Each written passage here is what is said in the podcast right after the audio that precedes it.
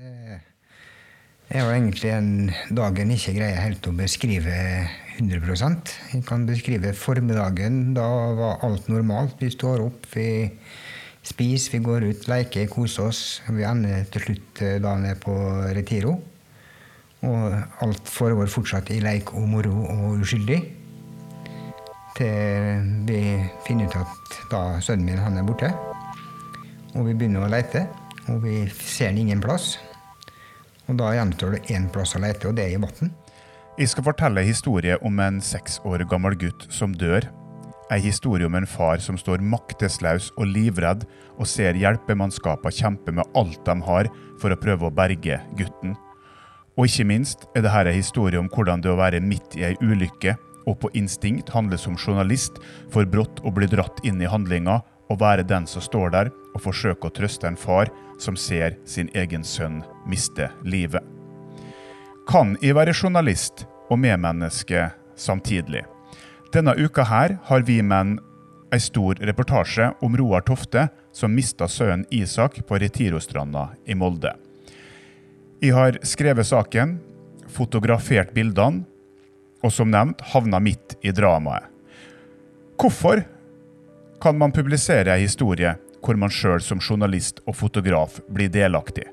For å svare på akkurat det er det best at eh, redaksjonssjef Lars Erik Nygaard i Vi Menn får svare. Først vil jeg si at dette er en uutholdelig sak om en forferdelig situasjon som jeg håper ingen behøver å oppleve.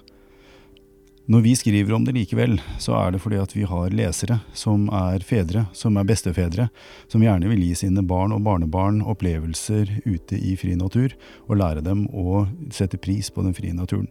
Men da er det viktig at vi både lar dem, altså lar barna, eh, få utvikle seg og utfolde seg, samtidig som vi passer på, vi som er i stand til å kunne vurdere fare og se fare.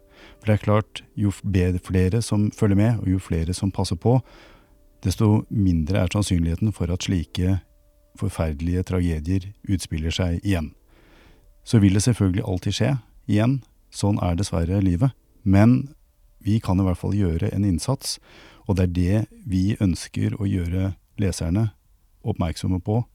Vær på vakt. Vi menn har både ansatte journalister og fotografer i staben, og et sinnrikt nettverk av frilansere. Men hvordan ønsker du at dem som på regulært basis jobber for Vi Menn, skal håndtere rollen som både journalist og menneske i situasjoner de kommer opp i som privatperson, men raskt ser at hendelsen kan ha journalistisk verdi? Vi menns reportere er først og fremst mennesker. Det er det at de er i stand til å kunne sette seg inn i andres eh, liv og opplevelser som gjør at de er gode journalister. Så når en Vi Menn-journalist havner opp i en dramatisk situasjon hvor det er behov for at noen bidrar med nødhjelp, da er de selvfølgelig først og fremst mennesker. Så kan man i ettertid vurdere om dette er stoff som skal behandles journalistisk, og om den enkelte journalist bør sette fra seg den jobben til, eh, overlate jobben til en kollega, eller om de, som i dette tilfellet, eh, klarer å løse kontakten og kombinere de to rollene um, i ettertid.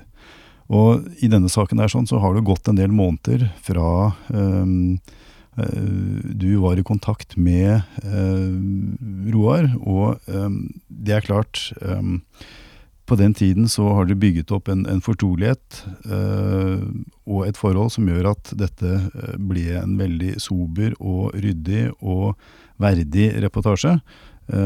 Andre tilfeller hvor man er mer i tvil om hvordan situasjonen er, da bør den journalisten som har vært inne i en episode som menneske, få lov til å forbli menneske og overlate journalistjobben til en kollega. Mine historier, en podkast laget av journalist og fotograf Erik Patram.